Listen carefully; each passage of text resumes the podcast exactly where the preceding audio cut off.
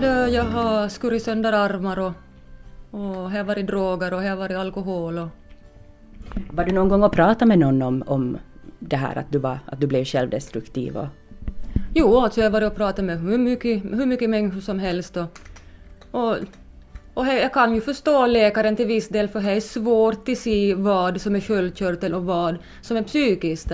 Men att med sköldkörtelsjukdom så här drabbar ju psyke också. Så man tycker ju, som nu i, i, alla dessa år så har ju jag lärt mig att man kan inte bara se på en sak, man måste se på helheten. Yvonne Granholm har inte känt sig frisk så länge hon kan minnas.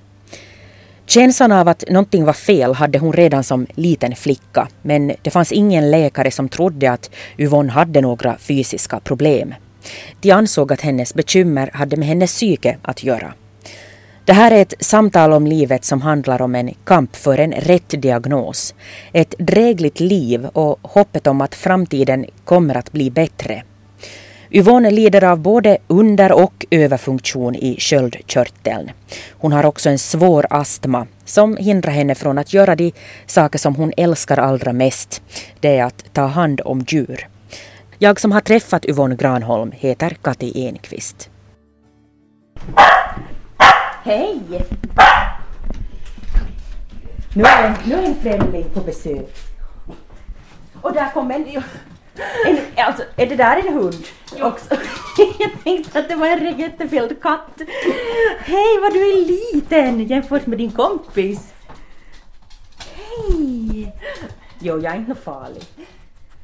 Så nu har jag räknat i tre katter och två hundar. Jag har fem katter och två hundar. Fem katter, okej okay, precis. Men, men så några av dem ser ju ut Jo. nästan helt och hållet. Ja, du har nog att göra. Nils, Stella, Tossun, Bebis, Päisi, Sis och Helga. Det är de fem katterna och två hundarna som bor tillsammans med Yvonne i ett egnahemshus i Vassor i Korsholm. Det är gott om plats i huset men eh, husdjuren vill vara nära och man får se efter vart man sätter fötterna så att ingen liten tass eller svans hamnar under. Jag kommer ursprungligen från Malax men har ju inte bott där på hur många år som helst. Och bor nu i Vassor i ett hyreshus. Har just flyttat hit, bara bodde där ett par månader. Men du bor inte ensam, du har ju då alla de här, alla de här djuren som du bor tillsammans med. Kan du berätta lite om dem? Mm, Ja, det har fe- fem katter, fyra som går, går in och ut och, och så har jag två hundar. En blandras på fyra år och ny, nykommet nu då som är en, en dvärgpudelvalp. Hur kommer det sig Yvonne att du har, att du har en sån kärlek för djur? Har det här nog varit sedan, sedan barnsben här att det var, var, var liten hos morfar och, och, mormor i Bergöje så lagade ju ekorrar tam och jag skulle bara ha djur, djur, djur men jag fick bara en katt. Så därav så här mycket nu antar jag. Du tar igen. Jo, jag tror nog jag gör det. Yvonne, jag minns när jag träffade dig eh, första gången så då gjorde jag ett reportage om Katthuset. Eh, Ett av katthusen som finns här i Vasa. Och någonting som slog mig då när jag träffade dig så var din, din enorma kärlek som du har för djuren och speciellt då i det sammanhanget för de här utsatta katterna som har blivit som har blivit eh, övergivna. Du jobbar ju då som frivillig på det här katthuset. Varför, varför, varför gjorde du det? Ja, jag tror jag tillika att, att då jag, då jag räddar djur så räddar jag en bit av mig själv. Alla, alla, alla pusselbitar som är, hål, som är sådär hål i mig så, så varje gång jag får rädda en eller vårda en som har varit utsatt så, så helar det jag. Och. Så att ta hand om djur så betyder mycket för dig och det känns som att, att då gör du någonting gott för dig själv också. Men har någon tagit hand om dig? Mm, ja, ja, säkert på, på familjen. De har ju gjort allt för mig alldeles värld. Nå, jag träffar ju dig här idag för att jag vet att du har en, en ganska lång och brokig sjukdomsbild. Kan du berätta lite när, när din sjukdomshistoria började, hur det startade? Ja, det är ingen som riktigt vet när. Jag har ju förträngt så mycket, jag har varit så, så traumatiskt, men bilden visar i alla fall att redan 89 så var sköldkörteln förstorad. Syns det på bilder. Och, I vilken ålder var du då? 89, jag var väl, vad var jag, åtta år. Och sen, vad jag nu minns, så denna på, när jag var 11-12 så, så då började denna sjukdom, det här sjuk, sjukhusfarase till barnpoli. Och det var ur och skur, det var så många gånger per, per månad. Här och, och det blev ju bara värre och värre och sköldkörteln växte ju. Så 96 stod de borta. Och efter det så blev ju ett bokstavligen ett helvete för mig. Jag känner mig som en försökskanin jag i alla fall. För jag nog. Och så sa de att allting skulle bli bra då. Sen då han blivit borttagen. Men det blev ju miljoner gånger värre. Vad var det som hände då? Det var ju jag som ändrades. Humöret for ju riktigt. Jag var ju arg konstant och jag blev ju självdestruktiv och, och allt skylldes bara på psyket. Så det var, det var 17 så började det blev jag klassad som att det var psyket det var fel på, ingenting annat. Mm. Så här blev ju ungdomspsyk blev jag ju. Sen blev jag flyttad till vuxen och, och denna karusellen har hållit på nu ända tills 2013.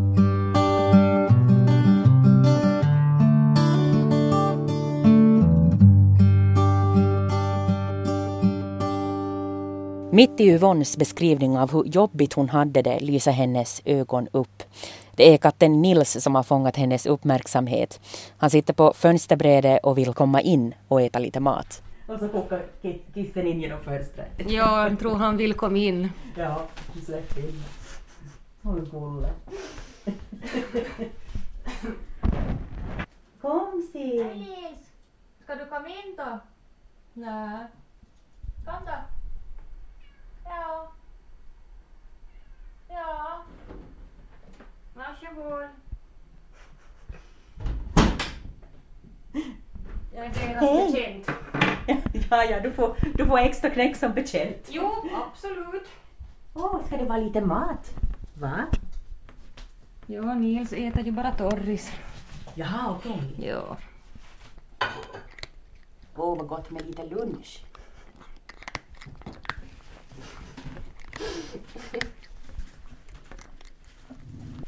Kom här. Helga. Det är svårt att tänka sig att Yvonne Granholm har mått så dåligt som hon har gjort. Hon har det jobbigt nu också, allt är ännu inte bra. Men det där pigga ljusrosa håret och de matchande glasögonbågarna berättar att det här är inte en kvinna som kommer att ge sig.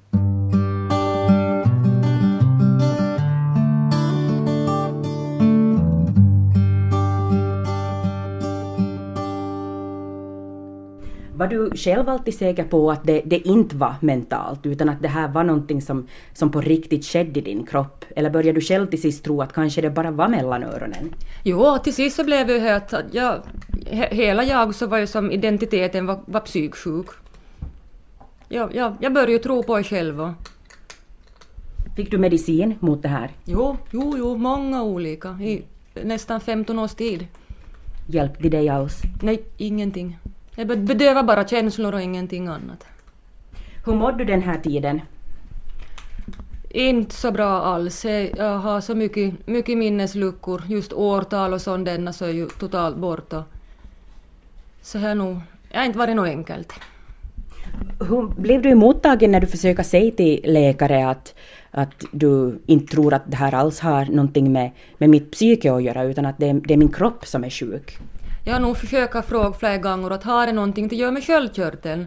Men jag har alltid blivit, blivit, blivit skrattad i ansiktet att nej, nej, nej, har ingenting att göra med det.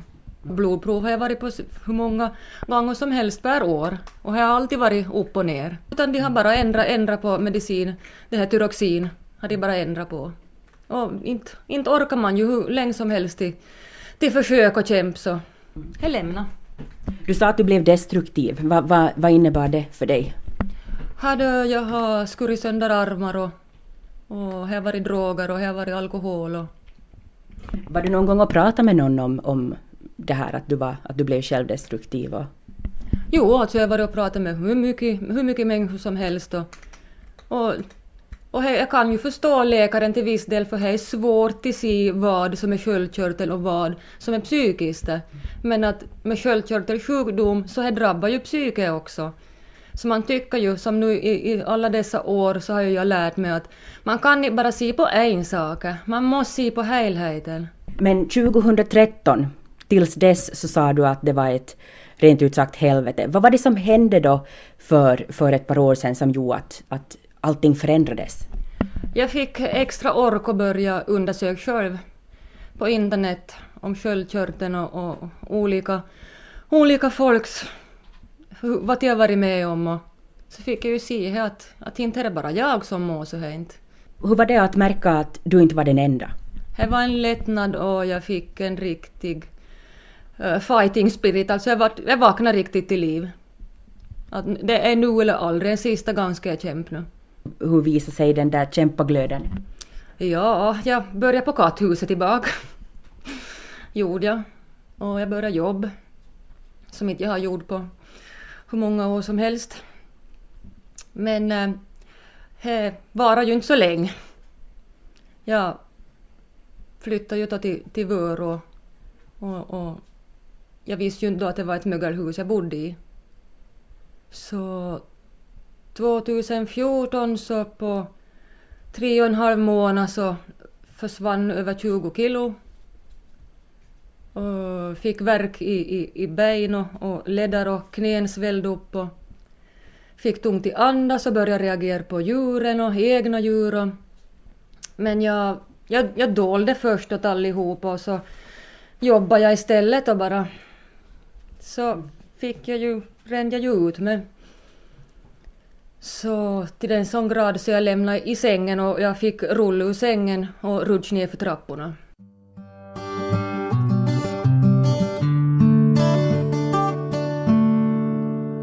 Så samtidigt som du fick tillbaka den här kämpaglöden för att försöka ta själv tag i saker och forska kring dina sköldkörtelproblem så då drabbades du av den här, det, här, det här möglet som fanns, som fanns i ditt hus. Hur, hur kändes det? Ja, för, först så ja, var nog, det var nog totalt kaos. Men som sagt, jag försöker ju bara dölja åt allihopa. Jag blev utbränd och inte klarade av till fara ens till katthuset så, så då kom nog väggen emot totalt. Mm. Vad tror du själv att det berodde på då när du gick ner så, så drastiskt i vikt och började må så dåligt? Misstänkte du genast själv att ja, det måste vara mögel i huset?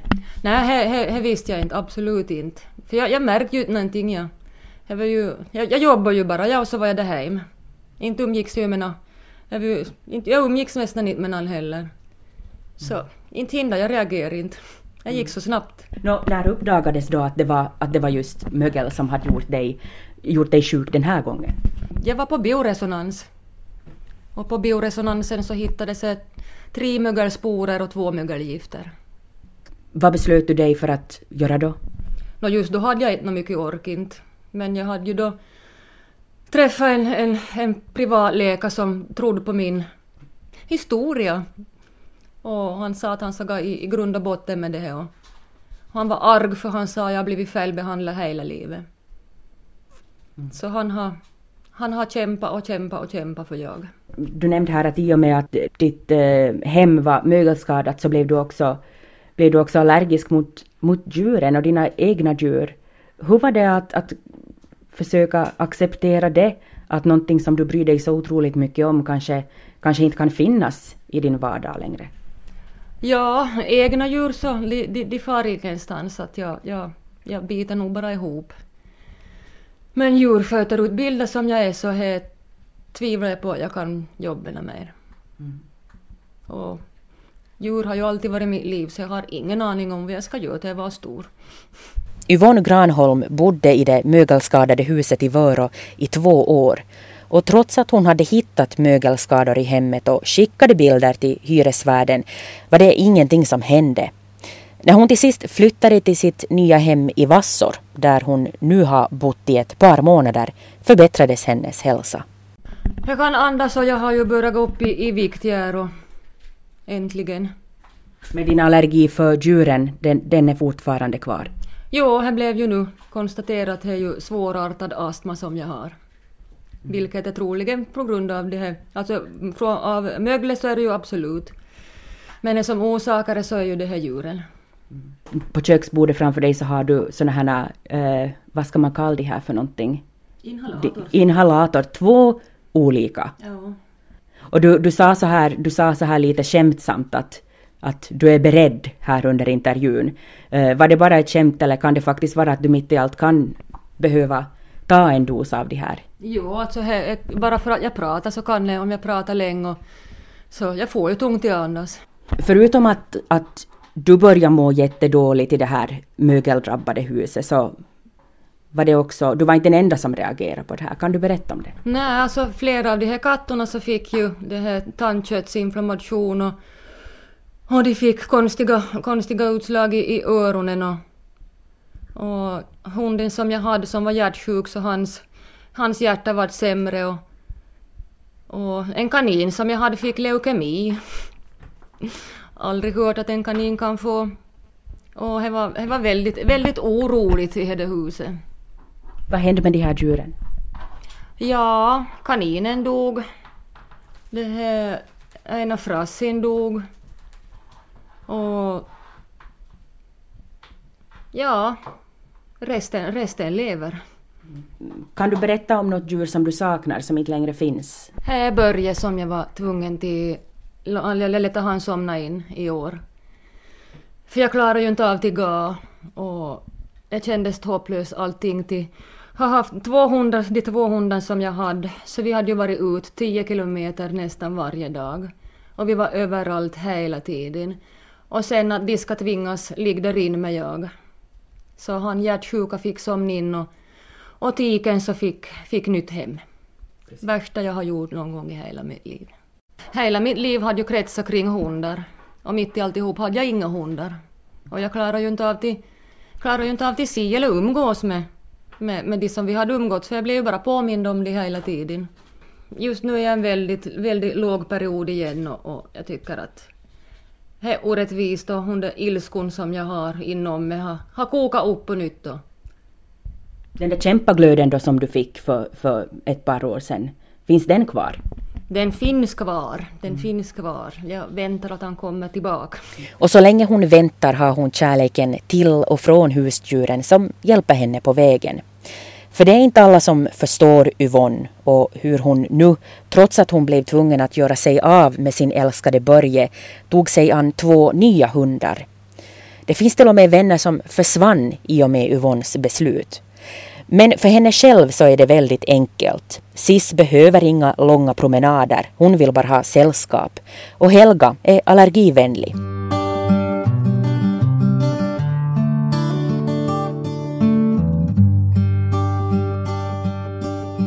Har du något speciellt minne som du håller kärt ännu idag, Yvonne? Jo, det var ju det då jag inte kunde, kunde gå alls. Att, att det här knädren gav ju, gav, ju, gav ju vika och jag föll ihop både inomhus och utomhus. Så var det en dag då jag var hos föräldrarna i Malax och skulle gå över till, till, till broder och hans fru. Och jag hade väl kommit 50 meter och, och kom ner till ett dike. Och när jag var nere i diket så hade jag inte några krafterna mer i, i knädren. Och ingen telefon hade jag. Och jag stod där och skådade runt mig och, och så kommer Börje springande. Och han skådade på mig och så lyfte han fram huvudet och så funderade jag att vad menar han? Och så satte jag det här händerna min på halsbandet hans och så drar han upp mig. Och sen efter det så slutade han, han slutade aldrig, han var, han var runt mina ben hela tiden. Han vilade aldrig, han bara, han bara vaktade och vaktade och vaktade. Så här kommer jag aldrig till glömma. I april i år började Yvonne sakta men säkert må bättre. Då fick hon testa på en ny medicin. Även om hon fortfarande bodde i det mögelskadade huset då så kom livslusten efter en tid tillbaka. Och efter det så började humöret komma tillbaka och, och det här. håret började växa på nytt på huvudet det blev tjockt tillbaka och värken försvann och vikten gick upp och hjärtat stabiliserade sig och så det är på gång. Och det här var i april i år? April i år. Mm, Okej. Okay. Så hur många år blev det som du kämpade för att få en rätt diagnos och rätt eh, medicin? Svår fråga egentligen, för jag har ju haft det hela livet. Aldrig, aldrig visst någonting vad det var. Mm. Känner du dig arg på något sätt eller, eller besviken på hälsovården? Jo, absolut gör jag det. Att, det är ju det är ju både och att jag förstår att läkaren gör, gör det de kan. Men det är ju tråkigt att folk, att de kan inte, jag tycker att de så kunde börja se på, på heter, inte bara skylla på psyket som de oftast gör med vi som har sköldkörtelproblem. Att det blir ju bara mer och mer av det här. Så är ju lite trist. Och i samband med att det har varit så mycket nu med sköldkörteln i media så det är ju många läkare som har börjat gå ut med att det är en, en trendsjukdom. Och här, här, här tar ilt i mitt hjärta Vad menar de med trendsjukdom? Att allihopa nu då har varit så det mycket i media så äh, allihop, inte allihopa, men äh, är mycket som kommer till läkaren och säger att det är sköldkörteln som är fel på.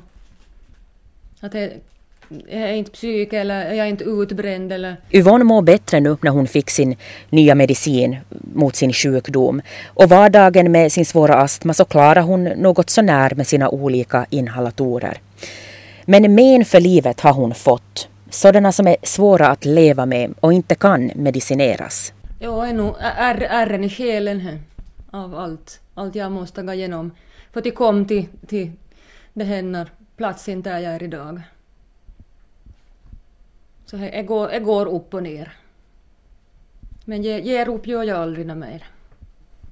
Vad tror du att skulle ha hänt dig Yvonne ifall om, ifall om du inte skulle ha fått hjälp just då när du fick den med tanke på det som du har varit med om och hur mycket du har fått kämpa och varit feldiagnostiserad. Vad tror du att skulle, skulle ha hänt dig? Jag började, den händer, det händer och jag sa ju att det här är sista gången. Jag kommer inte orka en gång till. Vad är det som gör dig glad idag? När du har, när du har ett, ett hem som du kan känna dig trygg i och som du vet att där, är, där luften är, är ren och frisk och du har dina hundar och du har dina katter.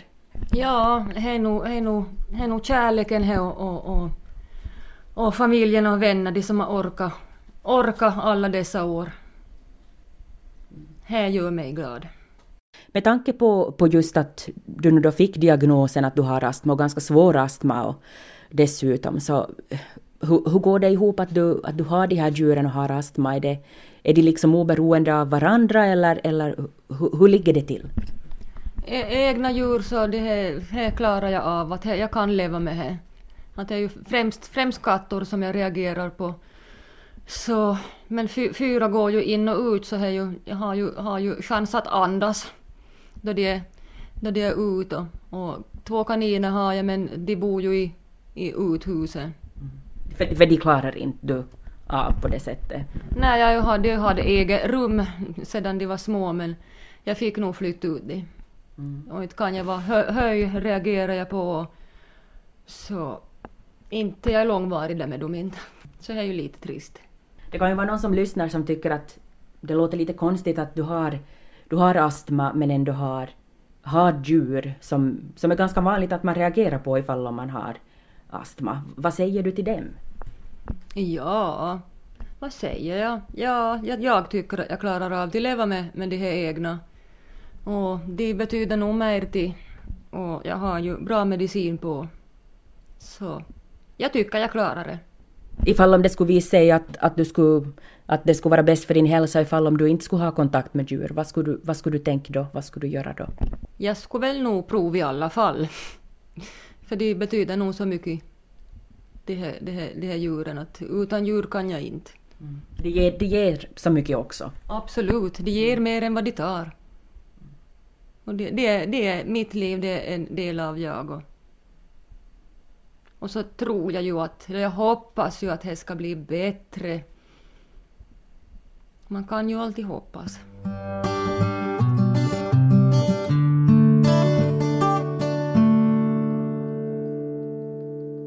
Ja, Yvonne, när du blev självdestruktiv så träffade du en hel rad psykologer och du fick också medicinering mot det som ansågs vara mentala problem.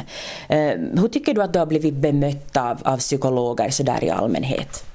Ja, det har ju varit så många olika och allihopa har ju haft olika funderingar. Och, men eh, det bästa var, var nog för ett och ett halvt år sedan då jag, då jag träffade sista psykläkaren i samband med att jag hade slutat medicinering. Så hon är första som sa åt mig att, att hon kan inte bedöma om jag är sköldkörteln eller psyket. Det är första gången jag fått höra någon har sagt det. Och vad menar hon med det då? För att sköldkörteln har att göra med så mycket annat, inte, inte det bara, inte det bara ett, nej, ett, som vanliga krämpor som kalla händer, fötter, hjärtklappningar, upp och ner i vikt. Det har att göra med så mycket. Och speciellt psyke blir oftast drabbad. Mm. Och hon var första som har, har påpekat det åt mig. Mm. Så hon ansåg alltså att det, var, det är inte ditt psyke som det är fel på? Nej, hon sa det hon. Första. Och då visste jag att jag äntligen har fått rätt. Hur kändes det att få den upprättelsen? Att få höra en, en professionell människa eh, tro på dig och säga att men, men inte, inte har ju du något fel mellan öronen? Ja, det var nog, det var nog en otrolig känsla. Att då visste jag att jag var på rätt väg. Att det är nu eller aldrig. Vad har du för tankar nu Yvonne när du, när du har blivit eh, friskare, du har fått rätt medicin och du har, du har flyttat in till ett nytt hus där du trivs, där vi redan har nämnt att, att luften är ren. Vad har du nu för tankar om hur du har blivit behandlad när du ser tillbaka på de här, på de här många åren som du, som du fick kämpa för, din, för, för rätt diagnos? Ja, det känns ju... Jag går ju som sagt upp och ner här men att eh, då är som allra, allra lägst för mig så är ju som mer än ett helt liv som har farit i spillo. Bara på grund av att jag blivit felbehandlad. Finns det något speciellt tillfälle som, som, tar, väl, som tar hårdast på dig som du har varit med om som, som har lämnat som har lämnat ärr i själen för dig? Ja, det är ju så många olika, olika situationer. Men det var ju en annan privatläkare som jag var till för ett par år sedan och, och hade hoppades att, att jag skulle få någon hjälp där med sköldkörteln just. Men det var nog bara bortkasta pengar. Vad sa, vad sa den läkaren? No, det var ju då jag hade börjat forska i att, att, det här, att om mat har någonting att göra med hur man mår med just med sköldkörtelproblem eftersom det är en ämnesomsättningssjukdom. Och det kom några skratt och sa att nej, nej, nej. Så här kändes ju lite att bortkasta pengar ännu en gång. Vad tycker du borde göras för att andra inte ska råka ut för, för samma sak som dig? Störningar i sköldkörteln har ju blivit en, ändå en rätt så, så vanlig sjukdom. Ja, en extremt vanlig, vanlig sjukdom och jag tycker att det ökar, vilket jag tycker att läkare ska måste börja forska mer i. Att inte bara ta två standardprover eller bara köra med en och samma medicinering. Att öppna ögonen och lyssna på patienten. Varför tror du att det här lyssnandet är så svårt för, för, för vissa läkare att, att göra? Jag menar, du har ju haft tur nu och, och fått kontakt med läkare som, som i allra högsta grad lyssnar på dig. Säkert måste det vara i intresse och för att det är en väldigt komplicerad sjukdom. Att, att det är inte bara att att ge tyroxin och ta två blodprov så blir det bra. Att man måste börja se runt hela den här sjukdomen.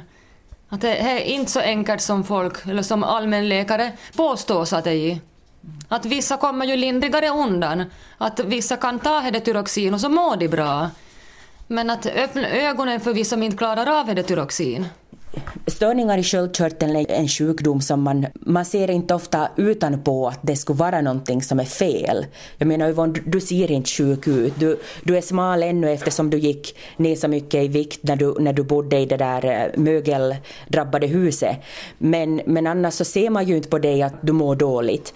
Är det svårt att få folk att förstå hur man känner det när det inte liksom syns utanpå? Absolut, man blir klassad inbildningssjuk och det fick jag höra jättemycket när jag var, det var i tonåren. Att jag är inbildningssjuk. Men att det finns ju så utåt sett, det finns ju det här myxödemet. här hade ju jag i, i, i fjol att jag svällde upp i, i ansiktet och, och jag kommer på fötterna så kan fötterna svälla upp och så, sådana saker så syns ju men här man kämpar på med inombords så här ser ju ingen och här kan ingen förstå. Mm. Har du någon gång blivit irriterad på det här då och sagt, sagt ifrån? Jo, absolut. Men det är ju här att jag, jag, om det är en visa sorten, ja, så jag, mm, jag lider ju inombords istället.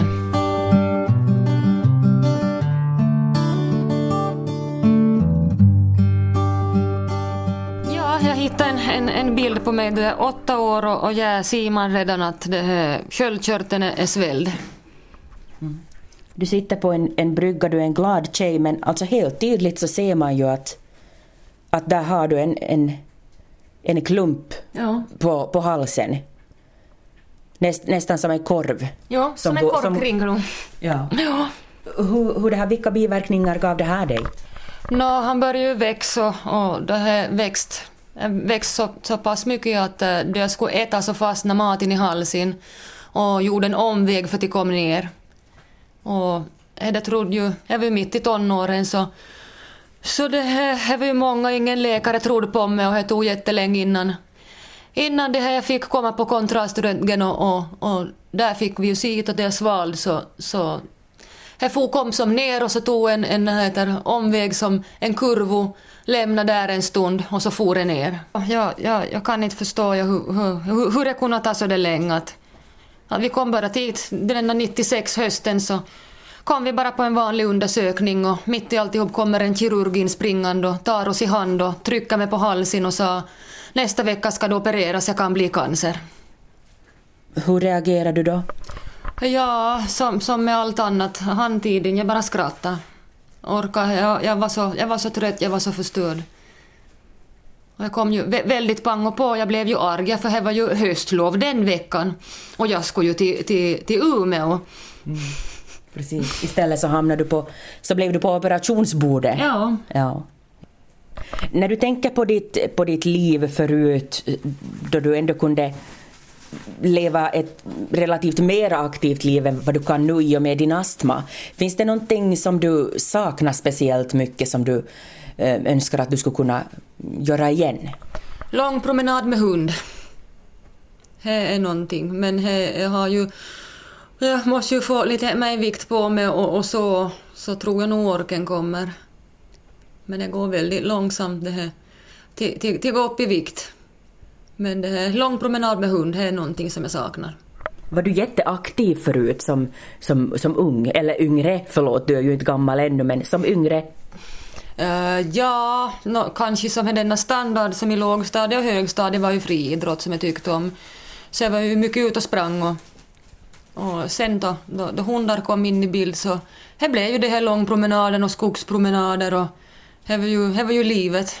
Till få vara ute i skogen. Det var någonting som, som du njöt av? Ja, då, då mådde jag bra. Och här har jag inte varit nu. Ja, kanske januari var jag sist. Ja, du är ju djurskötare och det var ju säkert någonting som du hoppades att du skulle kunna jobba med i ditt vuxna liv. Eh, vad tror du att, att eh, ligger i framtiden för dig sådär yrkesmässigt? Ja, det är ju lite svårt med tanke på, på, på det här astman som kom. Jag funde- funderar och funderar att vad kan jag annat än djur? Så det är nog ovisst. Drömmar då? Ja. De får hjälp de som har problem med sköldkörteln. Det finns ett stort hopp hos Yvonne. Om några veckor gifte hon sig med sin fästman. En man som uppenbarade sig i hennes liv när det var som allra svårast. Yvonne berättar att han har stannat kvar genom både med och motvind. En djurälskare även han. Och med fästmannens fyra katter och Yvonnes fem katter plus två hundar letar de nu efter ett gemensamt större hem som kan inhysa både paret och alla husdjur. Du har lyssnat på Samtal om livet tillsammans med Yvonne Granholm. Jag som intervjuat Yvonne heter Kati Enqvist. Du kan lyssna på programmet i sin helhet igen om du önskar på svenska.yle.fi snedstreck arenan. Du kan söka där på Samtal om livet, då dyker det här avsnittet upp och också många andra samtal. Du kan också läsa artiklar om de som vi har intervjuat på svenska.yle.fi.